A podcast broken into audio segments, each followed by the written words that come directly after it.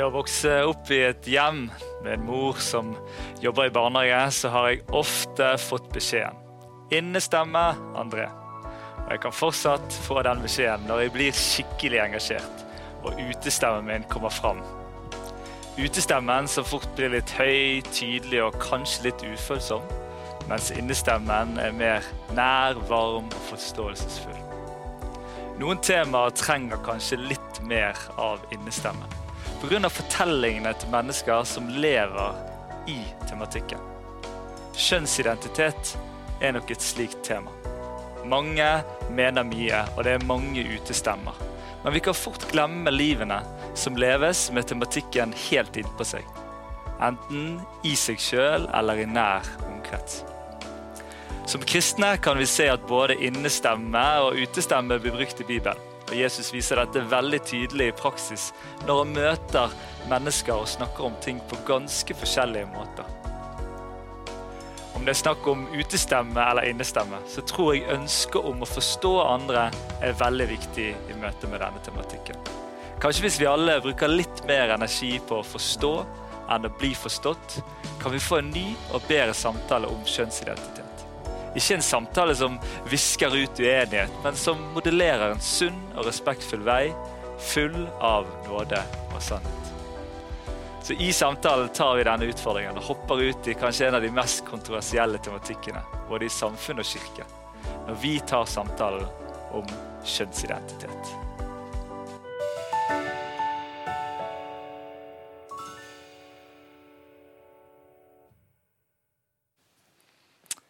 God kveld der hjemme, og velkommen til eh, samtalen.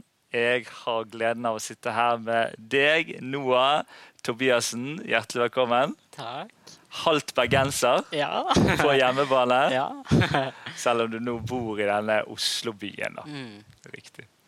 Så kjekt at du vil komme og dele din historie. Virkelig. Takk for å bli invitert. Ja, Så kjekt. Hva er det du gjør nå til vanlig i livet?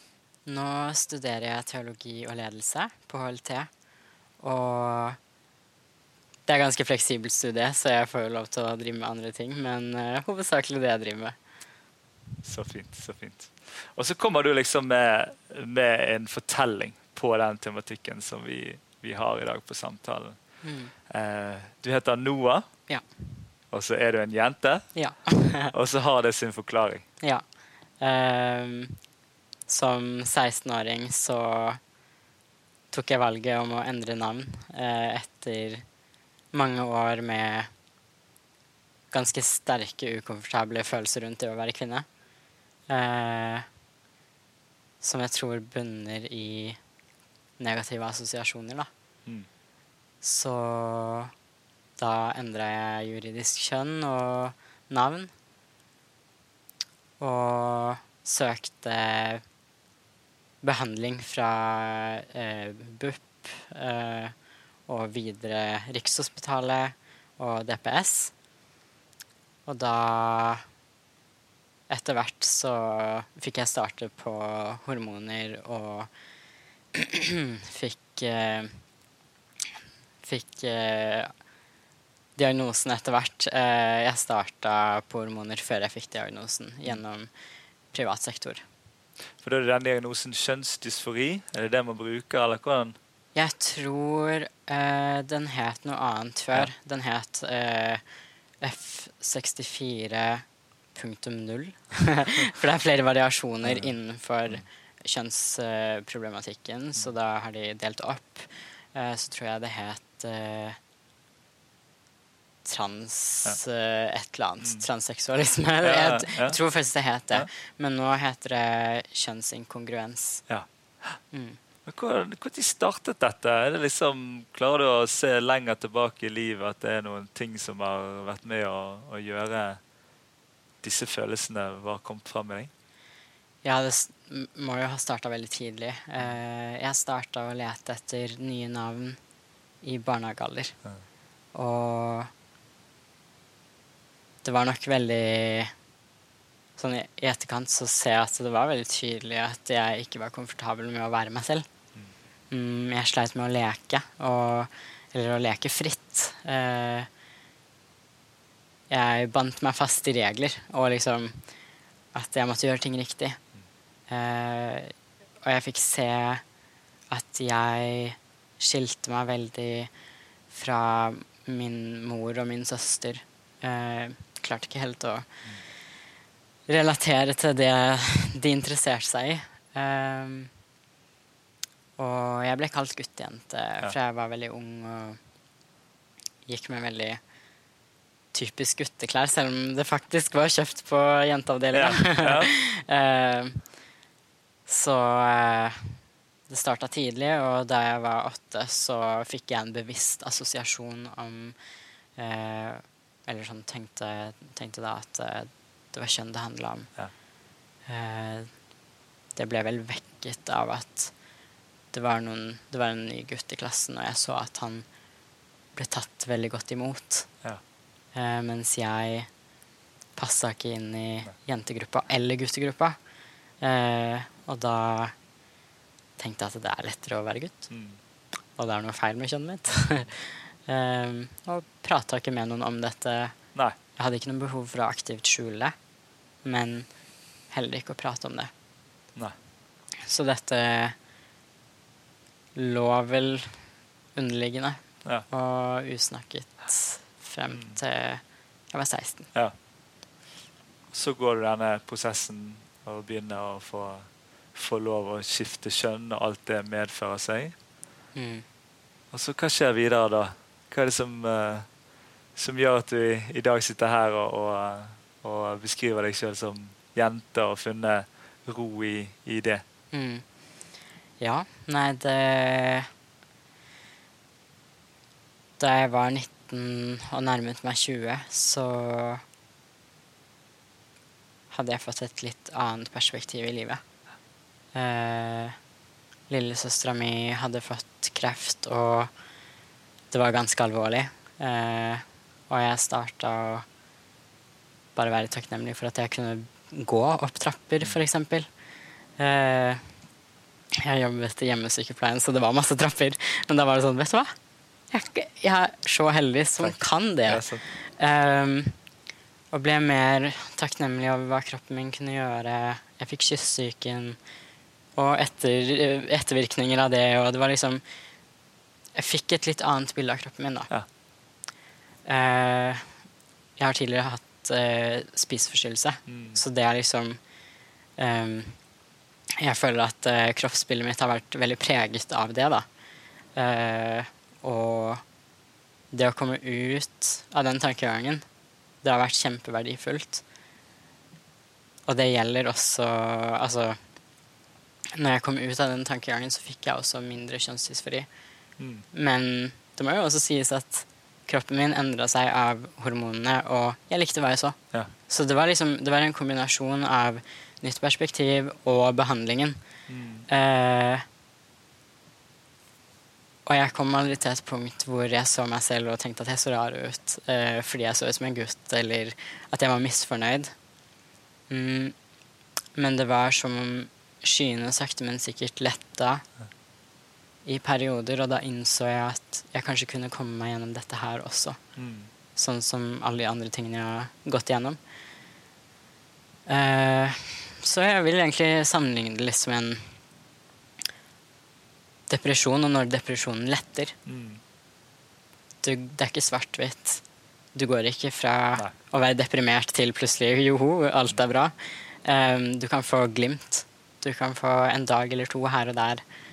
Eh, jeg var veldig heldig for at den dagen ble lengre og lengre. Ja. Eh, og til slutt var det to uker hvor jeg var komfortabel med å eh, kle meg mer feminint og eh, bli oppfatta som jente. Og så klarte jeg ikke å se på de klærne lenger, og så måtte de bare vekk. Og eh, var ukomfortabel i to uker. um, men jeg skjønte at eh, jeg kanskje ikke trengte å gå på medisiner ut livet. Nei. Og det har aldri vært noe jeg har hatt lyst til å gjøre. Nei. Så da tok jeg sjansen og slutta, slutta på det. Mm. Og så, hele denne fasen her, så, så har ikke du noe forhold til tro. Nei. Men så en dag så er høstbladene Det ble for sterkt for deg. ja. ehm, det her var jo 2020, januar. Eh, og i august det samme året, da var det bare noe som klikka på innsiden av hodet mitt. Eh, mens jeg var alene i stua og så på blader. Ehm, jeg tror ikke jeg fokuserte på bladene sånn med øynene, men mer bare sånn konstruksjonen, hvor intrikat det er, eller sånn eh, Ja, hvor nøyaktig og fascinerende det er. Eh, det faktumet at 99% av atomet er tomrom, hvis det ikke var for vibrasjonene av partiklene inni. Liksom. Det er sånn Vi vet ikke hva 99% av universet er. Det var bare sånn Oi, vi vet lite. Eh, og så tenkte jeg hvorfor Hvorfor eh, vibrerer de i det hele tatt? Og eh, hvorfor er en stol fortsatt en stol når jeg snur meg vekk, og så snur meg tilbake? Hvorfor er det ikke et atomisk kaos? Eh, det er orden her. og så innser jeg bare at det må komme fra noen form for intelligens og noe som holder det hele sammen. Så det var bare på et øyeblikk så, så ble jeg plutselig troende på en Ja. skaper, da. Her må det være en skaper. Ja. Det er så spennende. Vi skal få høre mer fra, fra deg og og din fortelling og det du tenker om alt uh, i denne tematikken her og nå. Uh, veldig spennende. Nå skal dere få lov til å få en, eh, en uh, sannhet fra Linda i Sanning samtalesenter. Vær så god.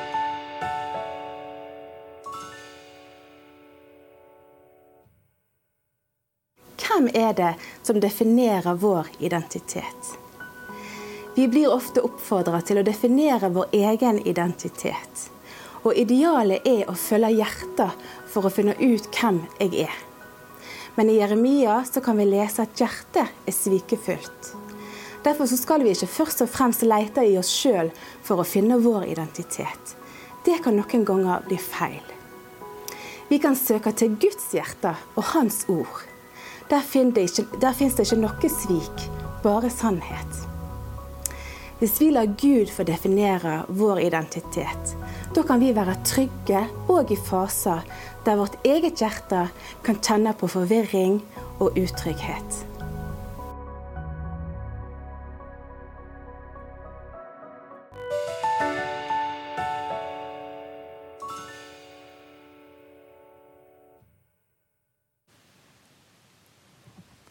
Yes, da har jeg fått lov til å eh, fylle rommet her med både Alf Kåre og eh, Markus.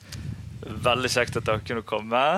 Alf Kåre, pastor i Jesusfellesskapet og i Røde Kors. Eller iallfall jobber der og fyller dagene der.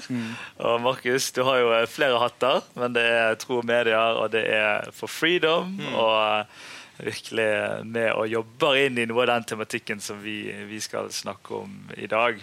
Og Alf Kåre, Det har vært litt gøy å liksom utfordre deg litt. Du sitter i en sånn podkast med Kulturkrigen og prøver å møte noe av denne tematikken som vi skal snakke om i dag, eh, fra litt den vinklingen. Ja, um, for vi har holdt på med, med det her prosjektet vårt, eh, Kulturkrigen, i over et år nå. Og det, det er alltid noen som syns det høres så voldsomt ut når vi sier Kulturkrigen. Sant? Eh, nå spiller det litt på vår egen personlighet, det er og Steinar som har den podkasten. Men det er òg derfor at vi faktisk mener at det finnes eh, eh, kulturer og virkelighetsforståelser som krasjer såpass med hverandre at vi kan sammenligne det med en krig. Og der vi vil hevde at, at den kristne virkelighetsforståelsen det er den som triumferer, og den er utelukkende overfor alle andre. Og så prøver vi å se på samfunnet gjennom bibelske briller. Og Prøve å snakke sant eh, inn imot ulike temaer, bl.a. kjønnsidentitet og den type ting som vi snakker om i dag. Ja, spennende. Og det er jo litt sånn, eh, Jeg innleder med å snakke sine om utestemme, innestemme. Det kan jo høres litt utestemmeaktig Ja, ut ja, ja. med, med, med krig, Ja. men, men eh, hva tenker dere om det? Utestemme, innestemme i møte med den tematikken. Hvordan skal vi snakke om det? Det er jo en verden her som snakker med veldig høy stemme om, om, hva som er riktig og hva som kanskje er galt. Eh, og, og da, er det jo gøy å, å, komme inn i et rom og kanskje snakke med, med, med begge stemmene. Eh, fordi det, det, er jo snakk om sannhet, og, og, man kan kommunisere det på så mange måter. Eh, så jeg, kanskje, vi er helt fri, vi er kanskje litt fan av å snakke med, med innestemmen. Eh, for vi ønsker å komme ned på Kanskje vi har lyst til å snakke med, med de én og én, eh, selv om vi snakker på seminarer og andre steder. Så, så, er vi også veldig opptatt av at vi får ta disse enkeltsamtalene med mennesker. Men det er jo ingen feil, eller, eller kanskje riktig her, da. Mm. Mm. Mm. Innestemmen blir jo fort eh, kanskje tolket som utydelighet, eller noen ganger så liksom Bare fordi at man sier noe klart, så blir det tolket som at oi, nå var du litt for voldsom mm. i den mm. kulturen. Va? Mm. Du er litt sånn direkte, skjønner jeg. ja, jeg liker det. Ja? Um, for meg så er det Det føles trygt. Da vet man hvor man har folk, hvis de er tydelige og uh, ikke svaier i vinden. Um, og det Jeg tenker det er veldig viktig å stå for uh, det man tror på. Og at det ligger større risiko i å føye seg med uh, hva rommet tenker. Ehm, jeg tror det er veldig viktig for vårt eget selvbilde òg, egentlig. Mm. Eh, at vi har integritet. Respekt for seg sjøl, ja, liksom. respekt for seg selv. Mm. Eh, så tror jeg det er viktig å være en motstemme i samfunnet, spesielt hvis vi tror at det er noe galt eh, med hva samfunnet sier, da. Mm. Ehm, men hvordan man legger det frem, det spørs jo settingen. Mm. Hvis man står hvis man står i et rom hvor det er kjempehøylytt, så gir det mening å gi litt på. Eh, men det betyr ikke at det er aggressivt. Det betyr ikke at det er upersonlig eller uh, uempatisk heller. Ja, for det, det er noen grenser. Mm. Ja, det er noen grenser. Jeg synes det er interessant at du sier at Hvis rommet er veldig høylytt, så er det at det må kjøre litt på. Eh, det er for så vidt et veldig godt poeng, syns jeg. For at det tar du det er jevnlig at i samfunnet vårt at en del tema blir veldig høylytt. Det er bare tenk på Hva som skjer hver juni hvert år? Mm. Eh, Pride-måneden mm. er veldig høylytt. Mm. Eh, skal du si noe nå, så må du, må du kanskje trykke litt på. Det var en ting. Men eh, jeg, mener, jeg, er selvfølgelig helt enig i at uh, vi skal møte mennesker med respekt. Vi skal møte mennesker med kjærlighet, vi skal møte mennesker med forståelse. Vi skal oppriktig søke til å nå inn til hjertene til folk. Altså, det å møte en sånn som, Jesus, sånn som vi tenker at Jesus møter mennesker. Men det betyr ikke alltid at det har kun ett uttrykk. Mm. At det ser ut bare på kun én måte. Uh, sånn det å møte mennesker det er jo ikke alltid bare å være snill og klø folk i øret. Mm. Det er, det er, vi skal klø folk litt òg. Det, det, er en bit av bildet, men ikke bare det. Ja. det. Og det kan være sånn Det kan være en utfordrende ting av og til. Mm. Og, eh, og F.eks. i podkasten vår sånn, så er vi, vi er veldig frimodige på å si det her tror vi er sannheten. Og så kan det oppleves vanskelig for noen. Mm. Snakker vi da med innestemme eller utestemme? Mm. Er, vi, er vi hard, eller snakker vi sant? Mm. Det, kan sånn, det, kan være en vanskelig balansegang av og til for oss å treffe riktig. Mm. Og så kan det være litt vanskelig av og til når vi føler at vi har truffet riktig, men andre syns det er hardt. Mm. mm. Liksom folk sine opplevelser kanskje man alltid tar ansvar for, sant? men det er noe med å holde sitt eget hjerte rent i å disse sleisparkene og den type Det blir jo litt den at Man får jo litt lyst til å, å slå tilbake med samme mynt når det ropes sånn som det gjøres. På noen tematikker iallfall. Eh, men da må man finne, finne, ut hvordan man er tro mot, eh, mot sitt eget hjerte. Mm. Selv om det kan også bety å være tydelig eller klar. Mm. mm. Men fins det noe teologi i kroppen, egentlig? Det, det, gjør det. Eh, vi er helt fri, vi jobber med noe som heter kroppens teologi. Og eh, kanskje når oss kristne hører det, eller eh, kanskje på, måte, på, den protestantiske siden, så hører vi kanskje ikke så mye, men når katolikkene hører kroppens teologi, så er det en hel verden som åpner seg her. Eh, hvor Jon Paul 2. hadde en, en, en, fem år hadde på disse onsdagssamlingene hans, eller møtene hans, så hadde han 130-129 i løpet av eh, fem år han disse talene om kroppens teologi, eh, som, eh, som, prøver å gi mening i det som er den virkelighetsforståelsen av hva den, hva den kristne troen tror på. Hvor vi har mange virkelighetsforståelser. Det er noen som tror at kanskje kroppen er bare blitt til, og verden blitt til litt med tilfeldighet, at det er bygget opp av atomer, liksom som du snakket om hvis det er noe, men det, det, det er noe der. Så er det kanskje noen som tror at den virkeligheten er kun den indre, Men så tror vi kristne at ja, det er jo litt riktig begge deler, men, men vi tror at vi, det er ett. Eh, og vi tror at vi er skapt med en dyp mening og hensikt. Eh, og, og, det er der eh, vi ønsker eh, å gå inn i. Jeg må bare rette på oss sjøl. Helt fri, vi snakker ikke med innestemme som er utydelig. Vi ønsker å være så tydelige som mulig, men, men vi har kanskje en annen, to, en annen tone enn en aktivisttone. da. Mm. Mm. mm.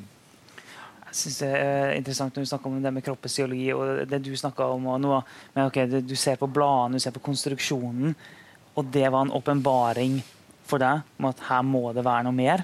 Mm. Og jeg satt og tenkte på det når du snakka at ok, et blad var nok for deg.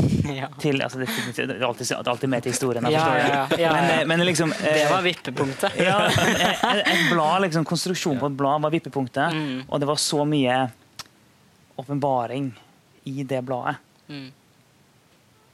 Og så, eh, så, så kan vi tenke på hvordan det snakkes om kroppen i dag. Mm. Så på mange måter kan vi si at kroppen er jo enda mer fantastisk mm. enn et blad. Mm. Ja. Men så, så, velger vi ofte å ikke ta utgangspunkt i kroppen. Mm. Men det er nesten som et blad var veien inn for deg til å, å finne det, din plass i din kropp, mm. på en måte. Mm. Jeg bare syns det var interessant å høre på. Ja. ja nei, det er snodig. Og vi får jo høre noe annet fra samfunnet hele tiden. At uh, du er ikke kroppen din. Uh, du kan endre kroppen din. Kanskje du burde endre kroppen din. Mm. Uh, ja, og kanskje du ikke er født riktig kjønn. den kristne troen er jo at kroppen er god. Mm. Uh, og at uh, kropp og sjel henger sammen. Mm. At det er to sider av samme sak. Det synlige og det usynlige. Mm. Uh, det er så viktig å ikke splitte fra hverandre. Mm. Ja, det blir jo mer og mer nå snakket i samfunnet om hva er løsningen på dette. sant? For det er jo klart at mennesker opplever store utfordringer i møte med hvordan de opplever seg sjøl, og, og, hva som er løsningen. Og så har det kanskje vært litt kjapp på én løsning sant? av å endre det ytre mm. for at det indre skal få, få, fred og bli møtt på en god måte. Og jeg mm. tenker Hjertet har nok vært bra her, men nå begynner man å diskutere ganske tydelig er det dette som egentlig er løsningen. Og med en sånn samfunnsutvikling som har vært med, med at liksom kjønnsroller ikke lenger er så tydelige, så har nesten de blitt mindre istedenfor bredere. Mm. Det er en sånn ironisk greie, nesten. Mm. Uh, hva tenker dere om å være mann og være kvinne? Hva, hva vil, mm er det det som, altså, det, har vi tullet det til der? eller? Ja. Ja, ja. ja det er bra. Gøy å gå videre. Men det har, vi, det har, vi, jo helt klart gjort. Mm -hmm. altså, jeg, jeg, vokste opp kanskje ikke som den mest guttete gutten i, i verden. Jeg, jeg, Frem til fjerde klasse så lekte jeg nesten kun med jentene. Eh, jeg hadde en dukke hjemme da jeg var liten som jeg lekte mye med. Uh, jeg likte å tegne, jeg elsket hester, selv om jeg ikke ridde så mye. og sånn. Men, men, jeg var jo absolutt ikke den som spilte så mye fotball og var liksom den kule uh, gutten. Uh, men samtidig så var jeg trygg på at jeg var, at jeg var gutt. Og, og, det går veldig fint med meg. Men, men, jeg tror samtidig kanskje i en tid nå så kanskje man hadde stilt litt flere spørsmål er du egentlig en gutt siden du mm. snakker, eller leker kun med jentene, eller, eller med denne barbien her, eller hva det skal være. Eh, jeg tror at, eh, at, eh, bredden i å være mann og kvinne, den er, den er stor. Og, og, Av og til så går de litt sånn inn i hverandre, men det betyr ikke det. At mm. Selv om jeg var gutt, så, så var ikke jeg en jente mm. på innsiden. på et vis. Mm. mm. Og det er litt sånn Den som tenker at det, å skifte kjønn det er en åpenbar ting som vi kan gjøre, vil jo gjerne si sånn at okay, hvis det er en gutt som leker med, med dokka, sånn, ok, kanskje er du en jente. Sånn, så begynner å kommer det usikkerhet inn i barnet allerede der. Og det her vil jeg gjerne høre litt hva du tenker nå. for at eh, Når du vokste opp og begynte å bli usikker, så bare så jeg satt og tenkte på Hvis du hadde eh, fått høre på en kjærlig og tydelig måte at eh, nei, du er jente, kroppen din er sånn. Altså på en fin måte, da. Men eh, sånn at, at, kroppen din satte rammer for hvem du er. Ville det ha gitt deg mer trygghet? For jeg, jeg tenker sånn at at uh, På samme måte som vi forholder oss til skaperverket, om det er et blad eller andre ting. Sånn, ja, men det her er en virkelighet som jeg ikke kan forandre, og jeg velger å finne min plass innenfor denne virkeligheten. så gir det trygghet. Og, og, gode rammer gir trygghet for oss mennesker. Så jeg tenkte på det når du snakka, at eh, ville det ha gitt deg mer trygghet? Ville det ha nådd inn hos deg? For du, du beskrev det jo som at allerede i barnehagen så begynte du å leite. Mm. Og da hørtes det bare for meg ut som at ok, det mangla noen, noen, rammer for at kroppen og kjønnet setter noen rammer for livet ditt. Ja, altså da, I barnehagealder da var det snakk om jentenavn. Ja. Så da var det nok mer at jeg kjente på at det var noe feil med meg. Mm. Uh, den følelsen og at jeg ikke takla å være meg. Um, og da jeg ble eldre og begynte å assosiere dette med kjønn, så tror jeg sånn, Da hadde jeg jo ikke gått inn i puberteten, så jeg hadde på en måte ikke noe problem med kroppen min. Men det var mer det sosiale. Mm. Så jeg tror at på det punktet så trengte jeg kanskje å høre at eh, det at du ikke passer inn med jentene, og det at guttene ikke vil la deg leke med dem, det har ingenting med kjønn å gjøre. Mm. Og at eh, at det rett og slett er dårlig oppførsel fra de barna. Og at det ikke er noe mer enn det. Eh, jeg tror ikke at eh, jeg hadde trengt så veldig mye mer enn noen få setninger der. Men senere, da jeg utviklet eh, kjønnsdysfori pga. puberteten eh, og seksualiseringen som kommer med det, mm.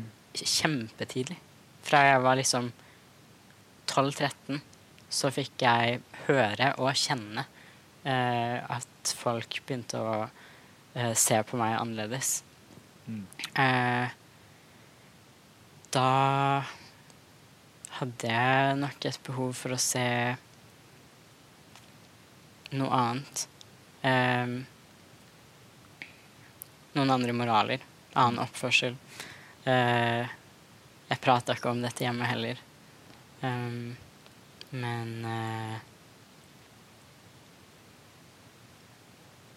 Det å få høre Altså, jeg hadde nok Jeg, jeg tror ikke at eh, på det punktet så tror jeg at det måtte mer til enn bare en samtale mm. som setter rammer, fordi det lå så dypt mm.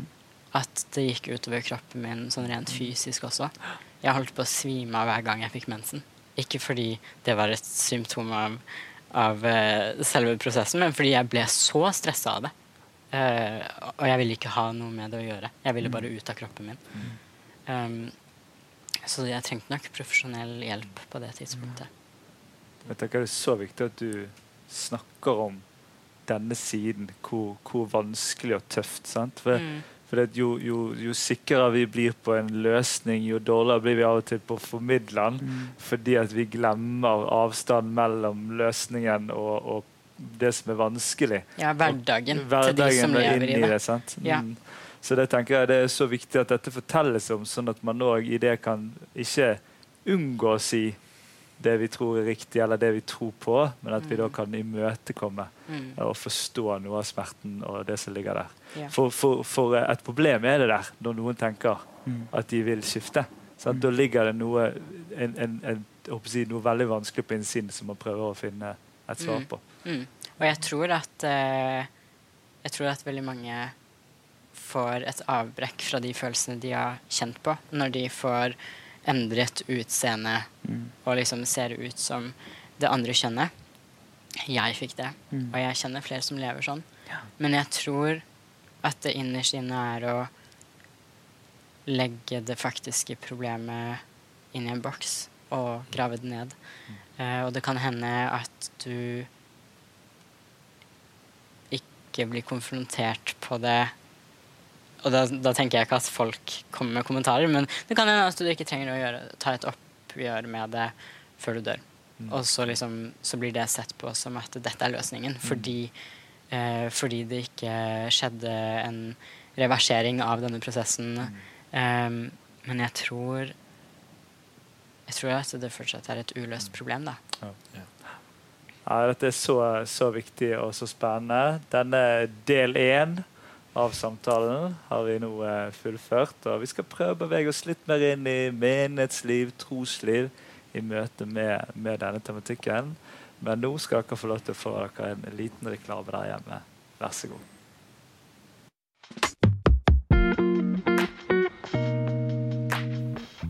Takk for at du ser på programmet vårt. Og hvis du liker det vi gjør, så vil vi invitere deg til å være med og støtte oss. For vi kan bare gjøre dette så lenge seerne holder oss på luften.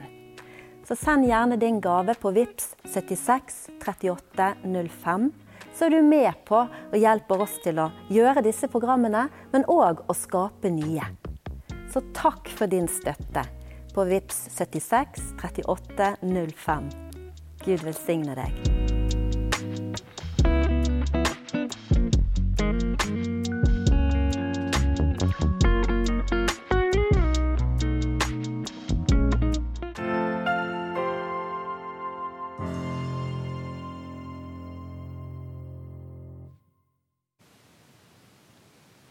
Velkommen tilbake inn i denne spennende samtalen som vi bare gleder oss til å fortsette. Um, vi er alle menighetsfolk, en del av kristent fellesskap. Men nå, nå var ikke din fortelling, Da var ikke du liksom en del av en menighet og hadde trosperspektivet da, men samtidig så lever du på en måte med noen av disse å si, ettervirkninger eller virkninger av, av de valgene du gjorde. Hvordan er det Mm. i møte med menighet? Har du noen gode opplevelser? Har du noen vonde opplevelser i møte med det? Ja. Eh, jeg var eh, Jeg var litt redd når jeg skulle eh, inn i en menighet. Jeg var litt redd for hva de skulle tro om meg. Eh, om jeg skulle bli misforstått. Eh, om de skulle tenke at jeg var veldig homofil eller et eller annet. Um, og dette hadde Dette hadde vært um, et område jeg hadde skikkelig angst på i en periode, til den grad at jeg ikke klarte å gå til butikken. uh, og jeg satt heller hjemme og var sulten. Um, det var en måned eller to hvor det var sånn, og heldigvis så kom det ikke tilbake så sterkt, men jeg kjente definitivt på det. Eh, jeg var veldig heldig som ble møtt på en fin måte. Og det kan godt hende at eh, sånn, jeg tror at mange kanskje tenkte noe, eller lurte på noe. Men de skjønte at dette ikke var tid eller setting å ta det opp. Eh, jeg fikk senere høre sånn ett år senere så fikk jeg høre fra eh, et par Jeg var på besøk hos og spiste middag med liksom dattera deres, og ja. De hadde spurt hverandre skal vi spørre. Så hadde de kommet frem til at ikke nå. Eh, og jeg hadde ikke hatt noe imot om de spurte. Men jeg satte veldig pris på at de tok den vurderingen og liksom faktisk tenkte på det, da, og at det ikke bare falt ut. Eh, men så har det også vært morsomme samtaler der folk eh, har spurt å, hvorfor heter du Noah, liksom. Og jeg har satt litt pris på det spørsmålet, for da eh, da føles det, det, det føles naturlig å ta det opp, da. Istedenfor at jeg bare skal skyte inn med oh, by the way, eh, jeg er født kvinne, men jeg har gått gjennom mannlig pubertet delvis. um, bare sånn du vet det. um, og jeg har fått høre fra uh, Fått høre fra noen at eh, ja, jeg la merke til det, men det er ikke min business. Eh, I hvert fall ikke når man akkurat har starta å bli kjent.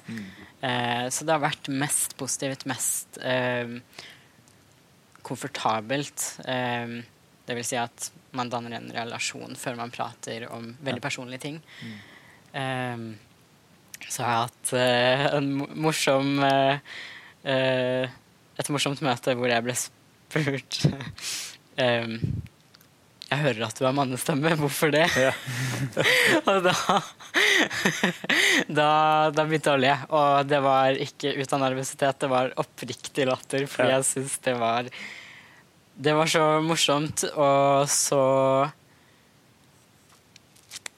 Hva heter det da? Eh, uskyldig. Ja. Det var så uskyldig. Det var oppriktig nysgjerrighet. Og jeg verdsetter det.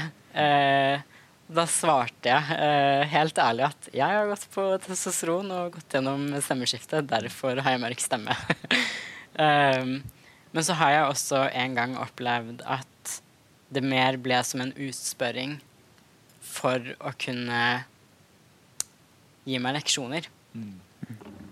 For det var en som trodde at jeg var født mann, og eh, ja, at jeg gikk i kirken, men eh, uttrykket meg som, som kvinne, liksom. Ja.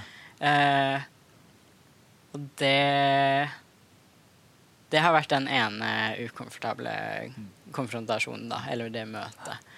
Um, så jeg tenker at eh, det er noe man burde unngå. Den holdningen om at man skal finne noe, finne noe på noen eh, rett etter du har hilst på dem. Ja. Eh, det er ikke din oppgave. Nå, tror ikke jeg menigheter i Norge er veldig godt trent på, på denne tematikken. sant? Det ikke alle menigheter som har møtt det ennå. Samtidig så ser vi at ved trykket i samfunnet, så, så øker det på. Mm. Det betyr at selvfølgelig vil vi ha dette inn i menighetene våre fordi at vi vil nå alle mennesker. Mm. Eh, dere jobber med å, å utruste. Hva er viktig for menigheter i møte med denne tematikken? Og også menighetsledere. Og, Mm. Tror det er å, å høre historier som, eh, som Noah. Eh, og høre på hvor ekte det er, eh, og hvor dypt det ligger. Eh, og så om det er sånn at vi har lyst til å nå andre mennesker, så må, så, ja, så må vi være flinke å lytte. Men vi må også være eh, ta til oss at dette, alle er på en vandring. Kanskje ikke alle er på en måte med kjønnsskifte og sånn, men vi alle er på vandring, og vi tror at kanskje den største tingen vi som kirke kan være, er god på disippelskap. Eh, så i Tro og Media, så, så sammen med flere kirkesamfunn, så er vi med å utvikle ressurser for hjem, for kirke eh, og for skole, for å snakke om, om kroppens teologi. For, for å ja, for å gi, gi liksom praktiske verktøy eh, til, eh, til alle flatene, eller de fleste flatene som vi er på. Sånn vi kan, vi kan være gode, gode på dette og trygge i det den vi er, eh, og på den andre er også. Mm. Når vi snakker om kroppens teologi, sånn, så kan vi også snakke om teleologi, eh, som handler om hensikten med ting.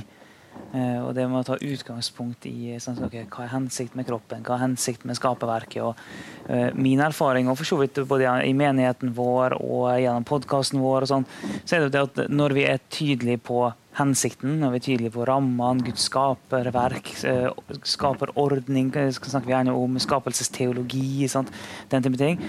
Uh, erfaringen er at det gir veldig gode rammevilkår for menneskelig utfoldelse.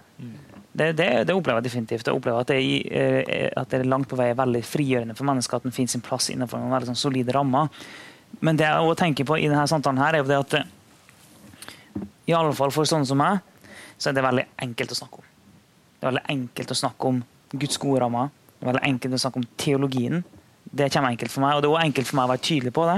Uten at det er hardt, liksom, men å være tydelig på det. Her er Guds ord. Og, og, det har jeg ingen problem med.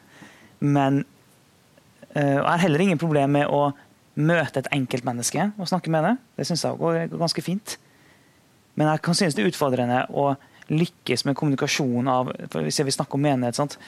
av å være tydelig på Guds ord på en sånn måte der når det kommer folk inn i menigheten Du var tydelig nervøs når du kom inn i menigheten. Hvordan vil folk se på meg? Hvordan ble jeg tatt imot? Og så prøver jeg å se for meg Hvis du hadde kommet inn i vår menighet og jeg hadde stått der framme, og så hadde jeg prekt et budskap som var sant, som var godt, det var bibelsk, det var teologisk fundamentert, eh, og jeg gjorde det med et godt hjerte, så kan det jo likevel være at du hadde kommet inn der og opplevd det som hardt. Eller opplevd at her er det ikke plass for meg. Eller, og det her var vanskelig å høre. Sant? Kanskje, det, det vet jeg ikke. Jeg bare tenker på det. Ja. Og det å ehm, Så hadde jeg møtt deg, så hadde jeg ikke klart å kunne snakke med deg. Men likevel, din opplevelse av å komme inn Og det jeg sitter og tenker på, da Det blir et langt resonnement her. Men det er det at ok, tydelig forkynnelse funker egentlig bare hvis fellesskapet fungerer òg. Ja. For det er det du snakker om. sant? At Så du blir møtt av mennesker, du kommer hjem på middag osv. Så videre og sånn. Så det, refleksjonen min handler bare om at ok, som menigheter som kanskje ikke er trent i det her, jeg tror, jeg tror ikke løsningen er å bli dårligere på budskapet. Men kanskje løsningen er å bli både, både bedre på, på budskapet og bli bedre på fellesskapet. Ja. Mm, Og at de to tingene gjør at Ja. det vil fungere. Da. Det er en sånn refleksjon jeg får av å sitte her. Ja, Ja. Så fint.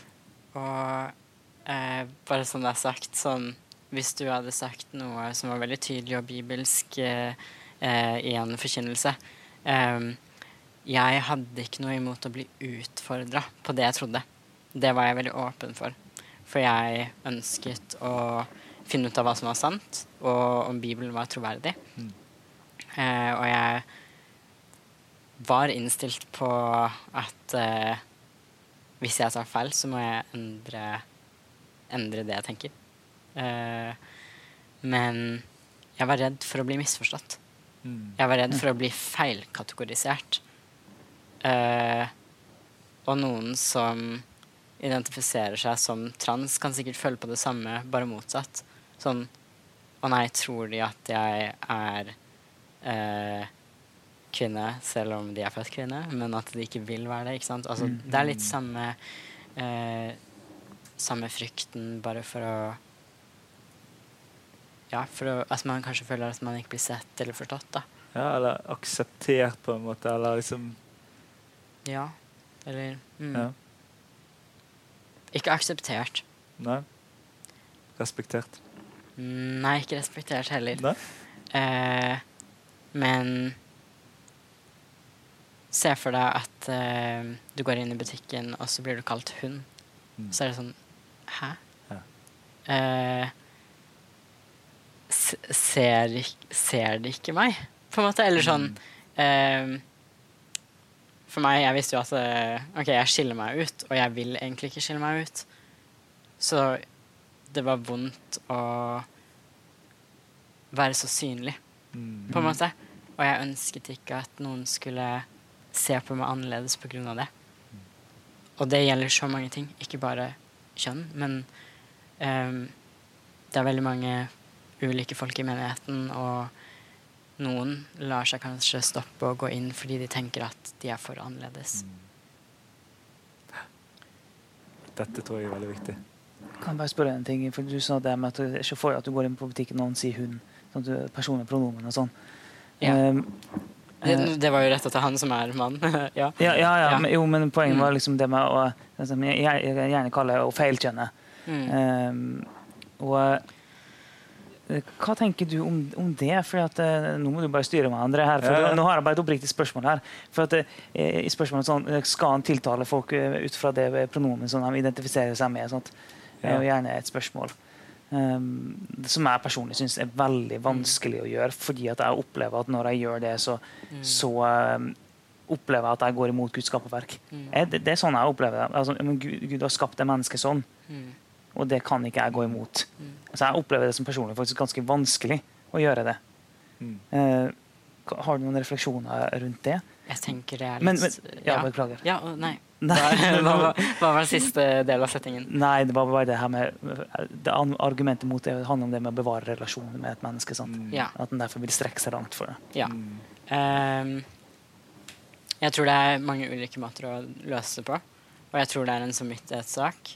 Uh, litt som å spise ofret kjøtt eller ikke. ikke sant? Altså, um, hvis du føler at det er å gå imot skaperverkets ordning og å lyve, så ikke gjør det. Men forklar det gjerne på en omsorgsfull måte. Forklar at du er glad i vedkommende, du ønsker å vise respekt, men at du ikke kan gå over den grensen. Eh, personlig så har jeg noen venner som jeg alltid har sagt eh, et visst pronomen til, selv om de ikke er født Mm. eh, biologisk det, det kjønnet de ønsker. Um, og jeg kommer ikke til å endre det etter mange års vennskap. Eh, det føles veldig Det føles veldig overfladisk ut, egentlig. Sånn, eh, eller sånn Å plutselig endre det. Uh, for meg så føles det Mm. sånn ut. Um, og jeg kan strekke meg til å kalle noen et eller annet hvis jeg får lov til å si at jeg tror egentlig ikke på det. Men jeg kan strekke meg eh, Det har ikke noe med at jeg ikke er villig til å ofre litt hjerneceller for å endre et eh, pronomen, liksom. Eh, og bare påpeke at det handler ikke om at jeg ikke er villig til å gå med deg, eller gå, gå langt og strekke meg. Jeg tror bare ikke det stemmer. Mm. Dette tror jeg er kjempe... I menighet vil jo dette oppstå. sant? Mm. Fordi at det vil være noen som Og jeg syns det er et fint bilde det med samvittighet. sant? Det er ikke sikkert at dette er en, en lov i det bibelske. At man ikke kan eller kan, men at det handler litt om å være tro mot sin egen samvittighet i møte med det. Um, og, og, det tenker jeg, hvis, hvis man da kan uttale det i menighet sammen, så vil det også være lettere for de som kommer inn, å forstå hvorfor noen har utfordringer. For det mm. tror jeg òg igjen forståelse andre veien. Eh, altså fra de som lever i, i, i, dette, til å forstå hvorfor dette eh, kan være vanskelig for enkeltpersoner. Ja. Mm. ser også I England så har de forandret litt praksis nå i, i helsevesenet, som er veldig spennende. hvor eh, I 2011, for, år, eller for litt mer enn ti år siden, så hadde de rundt en 202 eh, stykker som var liksom inne eh, med kjønnsdysfori til at i dag så, så er det nærmere 5000 som, eh, eh, som, kommer inn. Eh, det er jo på en måte, det er jo tydelig at det plutselig har blitt en trend.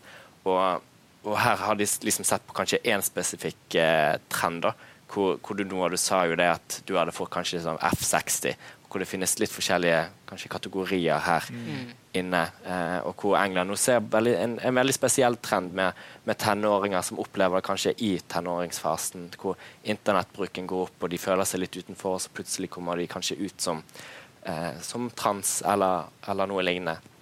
Eh, hvor, hvor, de har eh, kjørt på med operasjoner eh, fordi de har tenkt at det er best practice, mm. Eh, og nå opplever at Nei, vi, de var fornøyd med at de fikk en, eh, en, en ny kropp på et vis, men, men, det fikset ikke det som var der inne. Mm. Hvor de har gått vekk fra den praksisen og sier at til og med pronomen det bruker vi kanskje i noen spesifikke tilfeller, men nå har vi lyst til å følge det gjennom puberteten. Vi har lyst til å si at mm. dette er trygt, og heller gå på det, det som er det indre. Mm. Eh, så det er, ikke, det, er ikke en, det, er ikke, si, det er ikke kun oss kristne som kanskje har lyst til å gå inn i dette, men, men jeg tror at flere sektorer begynner å se at ja, dette her her kan vi gå og bygge trygghet, og gå heller på de dypere tingene som mm. er der. Mm. Ja, det er flere land som har endra praksisen sin de siste årene.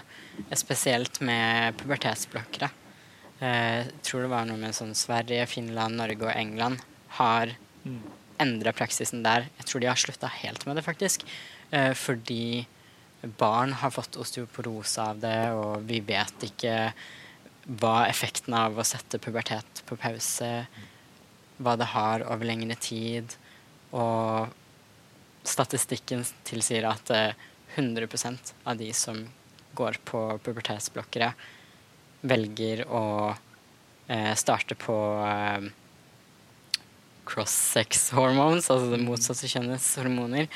Eh, som gjerne er veldig forståelig. Man vil jo ikke henge etter pubertetsmessig. Eh, mm.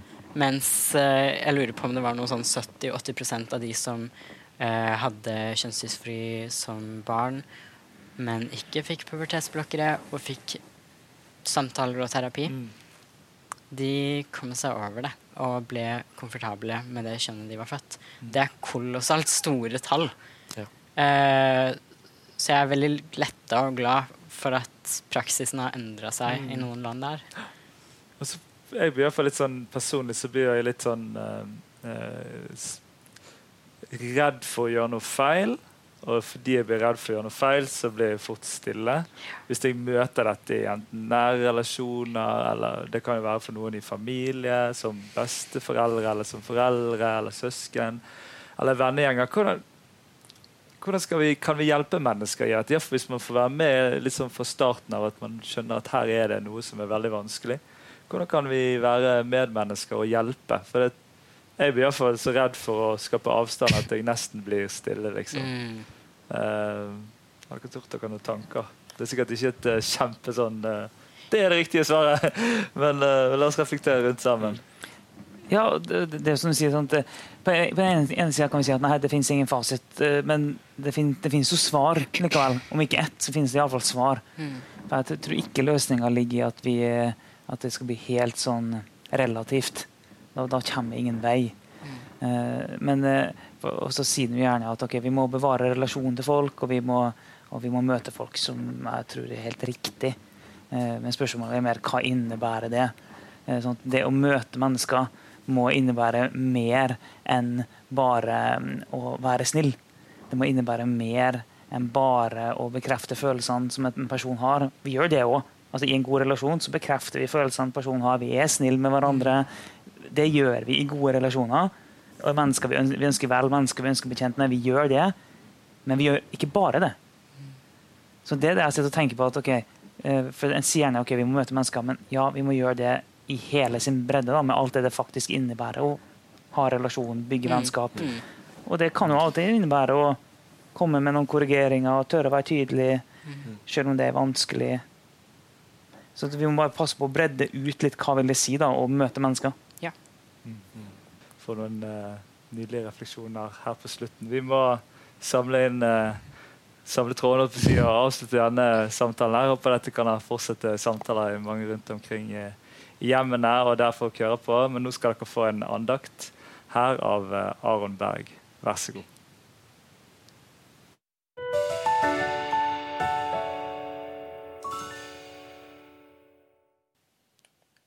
Alle mennesker har et behov for å oppleve å ha en identitet. Noe som sier noe om hvem vi er. Det kanskje vanligste spørsmålet en ung person stiller seg, er hvem er jeg? Hvem er jeg i denne store verden? Før i tiden ble gjerne dette spørsmålet besvart ved f.eks. yrket du hadde. Dersom du het Olav og jobbet på fabrikk, ja, da var du gjerne Olav, fabrikkarbeideren. Dersom du het Arne og jobbet med fiske, ja, da var du gjerne Arne, fiskeren. Det var en del av din identitet. Vårt samfunn i dag oppmuntrer oss til å besvare dette spørsmålet på en litt annen måte. Det forteller oss at vi må se til innsiden vår. At vi må være den vi føler at vi er. Følelsen trenger ikke å stemme overens med virkeligheten, for det er følelsen som har myndighet i dag. Problemet med begge disse måtene å finne sin identitet på, er at de kan skifte. Jobben kan mistes, gruppen slutter å eksistere, og følelsen forandrer seg. Jesaja kapittel 40 vers 8 sier at gresset blir tørt, blomsten visner, men hvor Guds ord står fast til evig tid. Gud er den samme i går, i dag og til evig tid. Den store forskjellen mellom den kristne tro og alle andre religioner er at mens man i andre religioner forsøker å jobbe med seg selv, og gjennom dyder og gjerninger forsøke å bli god nok for Gud, og kanskje på den måten oppnå frelse eller nirvana eller hva det måtte være, så erkjenner vi som kristne at vi aldri kan bli gode nok for Gud. Og det er nettopp dette som gjør, når vi erkjenner dette, at vi kan ta imot Jesus. Vi forstår at sannheten ikke finnes her inne eller der ute, men at sannheten finnes i en person, og hans navn er Jesus. Andre Korinterne 5,17 sier at derfor, om noen er i Kristus, er han en ny skapning. Det gamle er forbi, se alt er blitt nytt. Galaterne 2,20 sier at jeg lever ikke lenger selv, men Kristus lever i meg. Det liv jeg nå lever her på jorden, det lever jeg i troen på Guds sønn, som elsket meg og ga seg selv for meg. Når vi tar imot Jesus som vår Herre og Frelser, gir vi fra oss vår gamle identitet. Vi dør, men i Kristus så får vi et nytt liv. Når Gud nå ser på oss, så ser han ikke lenger vårt gamle, vår gamle identitet. Nei, han ser oss gjennom Jesus, som har vasket oss ren og gitt oss en helt ny identitet. Når jeg satt og forberedte meg til denne andakten, så gikk stuedøren plutselig opp. Inn kom toåringen som hadde lagt seg for to timer siden. Hun nølte ikke, og hun var ikke usikker.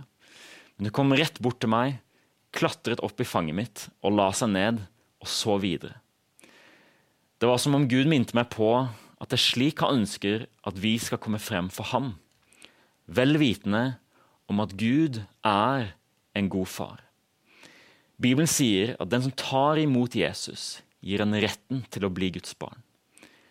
Jeg vil derfor oppmuntre deg til, om, til at neste gang du tviler på din identitet, at du husker på at gjennom Jesus Kristus så har du fått et helt nytt liv, blitt en ny skapning og blitt et Guds barn. Det er nemlig i ham at vi må finne vår identitet. Jobben, familien, følelsene alle disse tingene kan forandre seg. Men Gud og hans verk, det står fast til evig tid.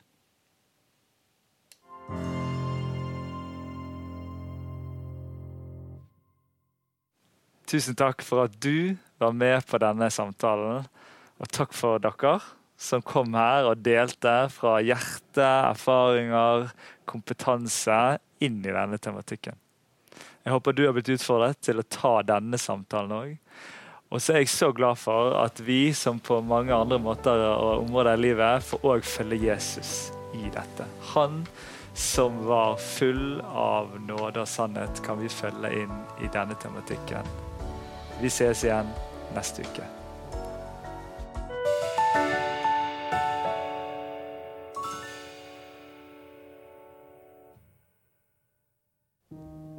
Noen ganger handler samtalen om ting som kommer nært inn på livet.